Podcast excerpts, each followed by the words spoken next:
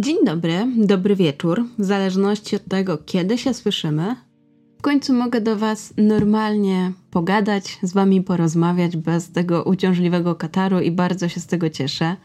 Tym razem mam dla Was być może małą niespodziankę, bo postanowiłam, że przeniesiemy się dużo dalej niż USA, niż Wielka Brytania, niż Australia, bo zawitamy w Japonii. A sprawa będzie się też wiązała z Tinderem czyli mówiąc w skrócie, aplikacją do umawiania się na randki i nie tylko.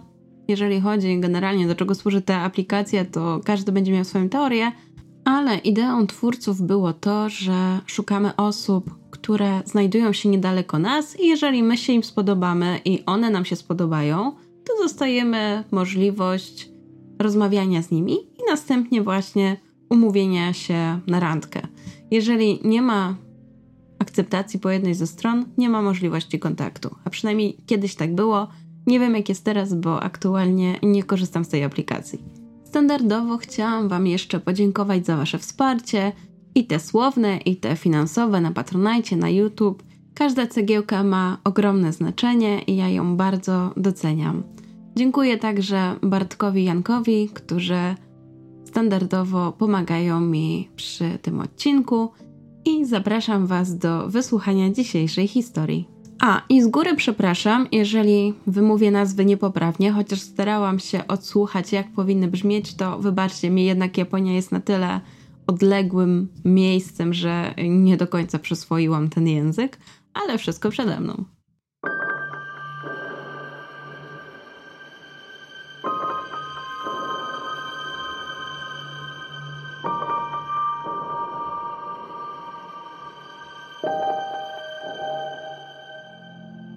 No dobra, tym razem przenosimy się do Kansai i do początków 2018 roku, a zatem sprawa jest dosyć świeża. Saki Kondo miała 27 lat i była Japonką.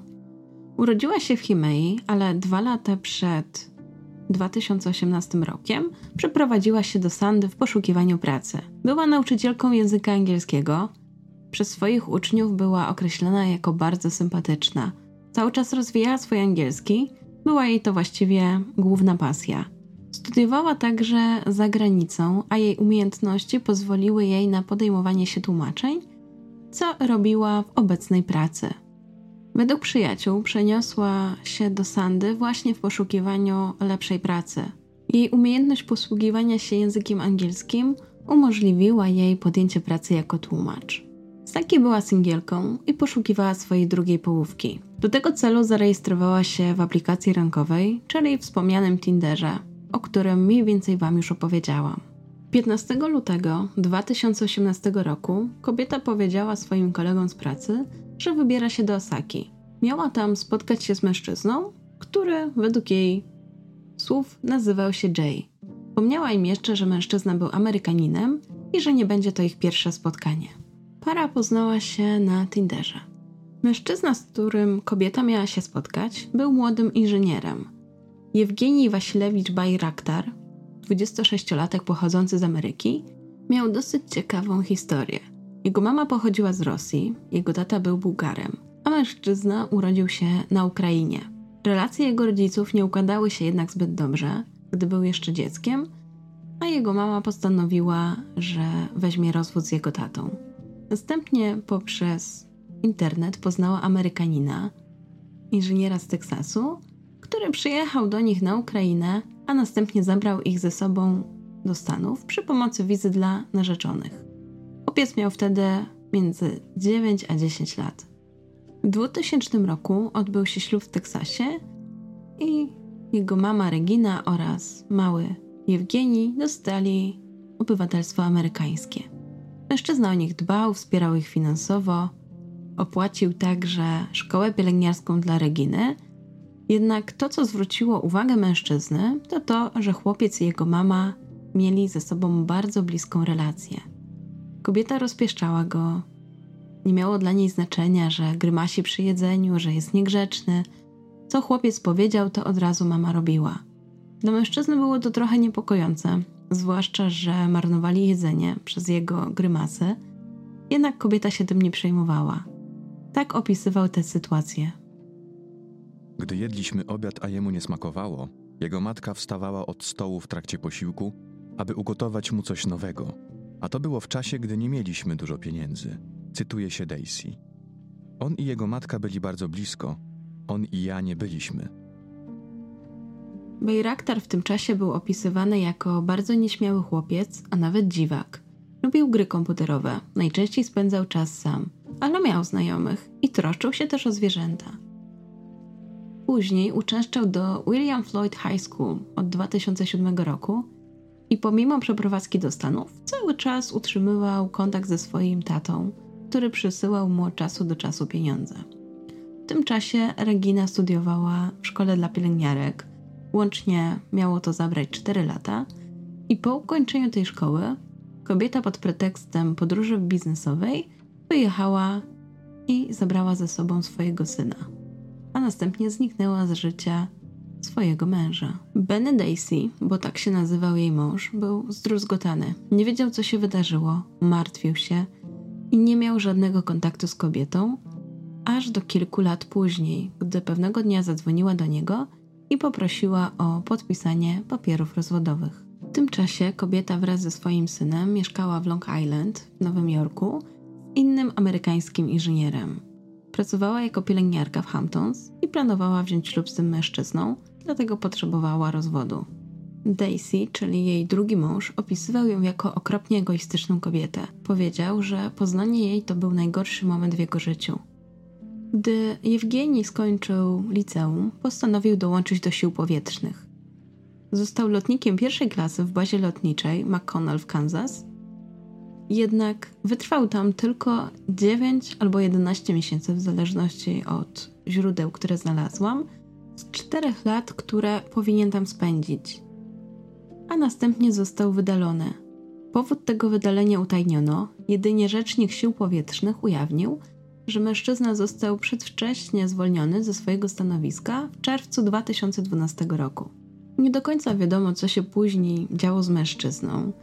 Z tego, co Wam wspomniałam, prawdopodobnie pracował jako inżynier, ale nie znalazłam takiej informacji, gdzie dokładnie. Jednak w 2018 roku postanowił w styczniu udać się na wycieczkę do Japonii na 90-dniowej wizie. Mężczyzna przebywał w pobliżu Kansai, spędzał tam czas umawiając się na randki z Tindera i innych aplikacji randkowych. Spotkał się przynajmniej z kilkoma Japonkami. Niestety w ten sposób poznał także Saki. Według śledczych mężczyzna mieszkał w okręgu Higashinari od około 12 lutego, gdzie wynajmował tam różnego rodzaju pokoje i domki letniskowe, korzystając z usług Airbnb. 15 lutego, tak jak już Wam wspomniałam, doszło do kolejnego spotkania pary. Nie wiadomo ile razy widzieli się wcześniej, wiadomo jednak, że się znali. Saki po pracy wybrała się na pociąg w kierunku Osaki. Na miejscu spotkała się z mężczyzną i prawdopodobnie udali się na obiad. Tego dnia zostali zarejestrowani przez kamerę ochrony w Junior Marine Omiya Station o północy. Potem zostają jeszcze uchwyceni na kamerze z prywatnej posiadłości Higashinari Ward. Nie do końca wiadomo, jaki plan spotkania miała para. Są pewne podejrzenia, że Saki miała nocować u mężczyzny, jednak wiadomo było, że następnego dnia miała pracę, a była dosyć obowiązkowa i musiałaby dosyć wcześnie zrywać się od niego i jechać do pracy. Założono jednak trzy wersje. Pierwsza była taka, że Saki specjalnie miała zanotować mężczyznę, bo tak się umówili. Drugą opcją było to, że kobieta przegapiła pociąg powrotny do Sandy. Ostatni pociąg tego dnia odjeżdżał o północy 13 z Osaki do Sandy i być może skoro po północy dopiero para została uchwycona na kamerze, kobieta nie zdążyła.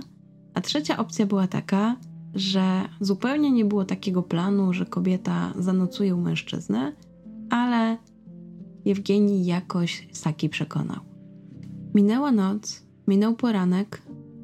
Saki powinna już dawno pojawić się w pracy w Sandzie, dokładniej o godzinie ósmej, ale niestety nie przyszła do tej pracy i było to bardzo podejrzane, dlatego że nie dość, że kobieta się nigdy nie spóźniała, to generalnie w naturze Japończyków leży ogromny szacunek do pracy, a zwłaszcza do punktualności.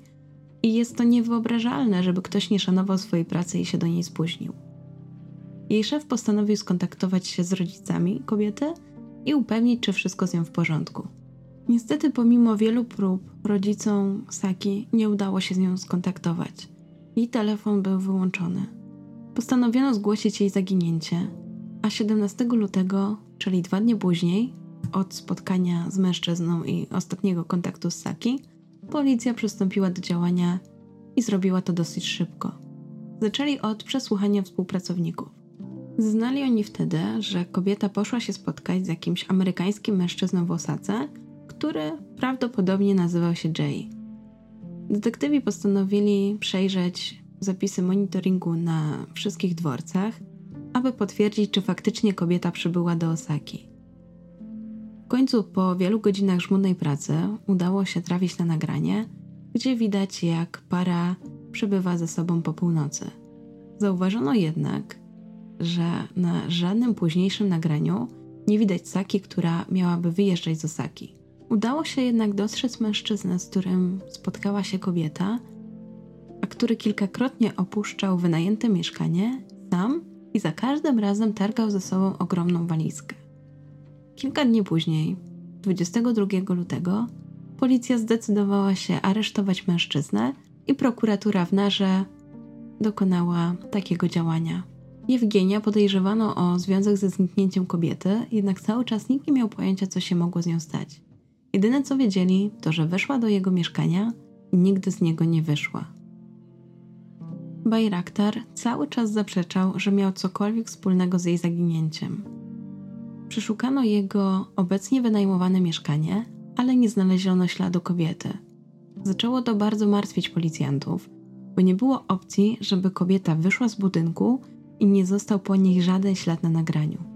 Wszystko to sprawiało, że śledczy zaczynali mieć najgorsze przeczucia. Podejrzewali oni, że mają do czynienia z zabójstwem. Postanowiono ponownie przesłuchać mężczyznę, a ten ponownie odmówił złożenia zeznań. Jednak to, co się okazało w trakcie szukania jakichkolwiek śladów po kobiecie, to to, że w międzyczasie mężczyzna zmienił miejsce zatrzymania z Ihashina na Nishinari. W związku z tym 24 lutego policja otrzymała nakaz przeszukania jego pierwszego miejsca pobytu, czyli Hihashinan. Gdy weszli do środka, byli bardzo zaskoczeni intensywnością zapachu odświeżacza powietrza. Było to bardzo zastanawiające, bo według danych mężczyzna nie był tam od dwóch dni, a zapach odświeżacza wciąż był bardzo intensywny. Oznaczało to, że musiał użyć ogromnej jego ilości. Ostrożnie przeszukali pomieszczenie niestety ich oczom ukazał się widok, którego na długo nie zapomną. Dlatego, że w jednej z siatek znaleźli ludzką głowę, która znajdowała się w walizce. Głowa należała do kobiety i śledczy podejrzewali, że Saki właśnie się odnalazła. Oprócz tego nie znaleziono żadnych śladów krwi ani w łazience, ani w żadnym innym pomieszczeniu. Dopiero przeprowadzenie odpowiednich testów z luminolem wykazało, że w pokoju znajdowała się krew. Oprócz śladów krwi znaleziono także kosmyki włosów. Wszystko to oddano do analizy, a następnie wyniki testu DNA jednoznacznie potwierdziły, że znalezione głowa należała do Saki. Na tym etapie śledztwa nie podano jednak tej informacji jeszcze do mediów. W związku z takim obrotem spraw ponownie postanowiono przesłuchać Bajraktara, ale zanim detektywi go przesłuchali, najpierw przekazali mu informację o swoim znalezisku. 25 lutego mężczyzna ostatecznie postanowił przyznać się do winy i opowiedzieć, co takiego się wydarzyło. Według niego 15 lutego, krótko po tym jak weszli do jego domu, mężczyzna udusił Saki. Nie do końca znane są okoliczności tego zajścia, ale Bajraktar twierdził, że był to przypadek i nie miał na celu jej zabicia. Gdy zorientował się, co zrobił, uznał, że musi koniecznie pozbyć się ciała. W związku z czym wziął nóż z ząbkami albo piłę. Nie do końca doprecyzowano narzędzie zbrodni i pokroił jej ciało w łazience na mniejsze części, których potem postanowił się pozbyć. Uznał, że najlepszym rozwiązaniem będzie pozostawienie fragmentów jej ciała w różnych miejscach oddalonych od siebie o parę kilometrów. W związku z tym kolejno pakował je do walizki i odbył w ten sposób kilka kursów w różne rejony wokół Osaki. Co gorsza, podróżował w ten sposób komunikacją miejską, między innymi pociągiem. Po przyznaniu się do winy przez mężczyznę, policja poprosiła go, aby towarzyszył im w lesie w Shimamoto i wskazał im miejsca, gdzie ukrył fragmenty ciała kobiety. Jej ramiona zostały znalezione w górach Shimamoto. Były przykryte ziemią. 550 metrów dalej znaleziono jej tors, również przykryty ziemią. Jej nogi znaleziono w Yamashinie. Choć policja była raczej pewna, że mają do czynienia z kompletnym ciałem, na wszelki wypadek przedstawili dziennikarzom oświadczenie, że uważają, że wszystkie części ciała należą do tej samej osoby, ale oczywiście należy poddać je odpowiednim badaniom i zrobią to jak najszybciej, aby ustalić także przyczynę śmierci. Po przeprowadzeniu testów DNA w celu ustalenia tożsamości ofiary, potwierdzono, że wszystkie należały do Saki. I choć sprawa wydawała się jasna, bo było ciało, był sprawca, to nie było jednak jasnych dowodów, aby skazać mężczyznę za morderstwo. W związku z czym mężczyzna został oskarżony o zabójstwo, czyli pozbawienie życia oraz zbezczeszczenie zwłok. Wynikało to z tego, że mężczyzna twierdził cały czas, że był to wypadek, a śledczy nie mieli jak podważyć jego zeznań. Prawdopodobnie tego nie zaplanował i wyszło to spontanicznie bo w trakcie dalszego śledztwa ustalono, że zaraz po zbrodni, prawdopodobnie, mężczyzna poszukiwał w internecie fraz takich jak jak pozbyć się zwłok i było to dokładnie tego samego wieczoru, gdy zabił Saki. Ustalono także, że Bajraktar rozczłonkował ciało ofiary między godziną 12.20 16 lutego a 10.30 18 lutego. Jeżeli chodzi o podrzucenie głowy Saki do mieszkania, w którym później ją odnaleziono, to musiało to być przed 14.40 22 lutego. Oczywiście śledczy postanowili też zbadać wątek innych spotkań mężczyzny z Tindera, bo tych spotkań wcześniej było kilka albo kilkanaście. To też nie do końca podano do wiadomości. W każdym razie ustalono, że wszystkie kobiety są całe i zdrowe i żadnej więcej nie skrzywdził. Bajraktar niestety nie wyjaśnił motywu swojego postępowania i dlaczego akurat wybrał Saki. W końcu rozpoczął się proces i prokurator wniósł o 13 lat pozbawienia wolności. Twierdził, że mężczyzna zadają dowody. Chodziło m.in. o to, że Jewgenii usunął od razu aplikację, szukał właśnie tych informacji o tym, jak pozbyć się zwłok, potem próbował wyczyścić historię, że zbezcześcił ciało. I jeszcze rano po zabójstwie ustalono, że mężczyzna wyszedł dokupić nóż, aby dokończyć ćwiartowania zwłok kobiety. Z kolei jego obrońca wniósł o 5 lat pozbawienia wolności.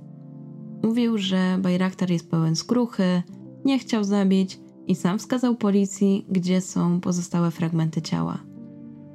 Podczas procesu wypowiedział się w następujący sposób.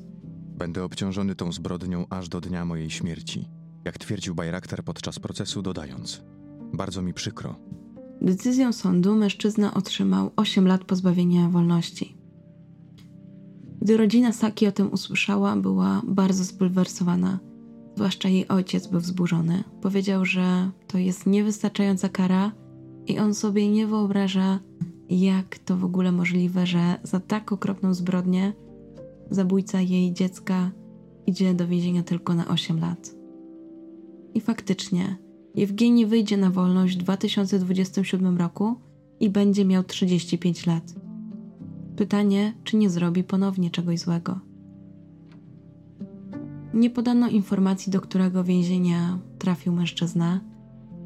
Pojawiły się tylko podejrzenia, że będzie to więzienie Future w Tokio. Udało mi się trafić na dwie teorie, które mogłyby wyjaśniać, jak doszło do tego, że Saki została pozbawiona życia. Pierwsza jest taka, że Jewgeni chciał zabić kobietę, bo nie chciała z nim współżyć, albo powiedziała coś, co go bardzo zezłościło. Druga opcja jest taka, że mieli stosunek planowany lub nieplanowany i w jego trakcie doszło do uduszenia. I tutaj są dwa warianty, bo być może był to efekt jego fantazji, że potrzebował przejąć nad nią kontrolę i ją zabił, i mogło to być albo celowe, albo przypadkowe. I na koniec zostawiłam sobie takie przykre zdanie, które powiedziała jego matka za pośrednictwem Tokyo Reporter, że marzeniem mojego syna było poślubić Japonkę. Niestety to już wszystkie informacje, jakie udało mi się znaleźć na ten temat. Sprawa jest dosyć ciekawa i podjęłam się jej z dwóch powodów. Po pierwsze, bo chciałam mimo wszystko uwrażliwić Was na ryzyko, jakie wiąże się ze spotkaniami online. Ja wiem, że żyjemy w takich czasach, że dosyć łatwo się w ten sposób poznać.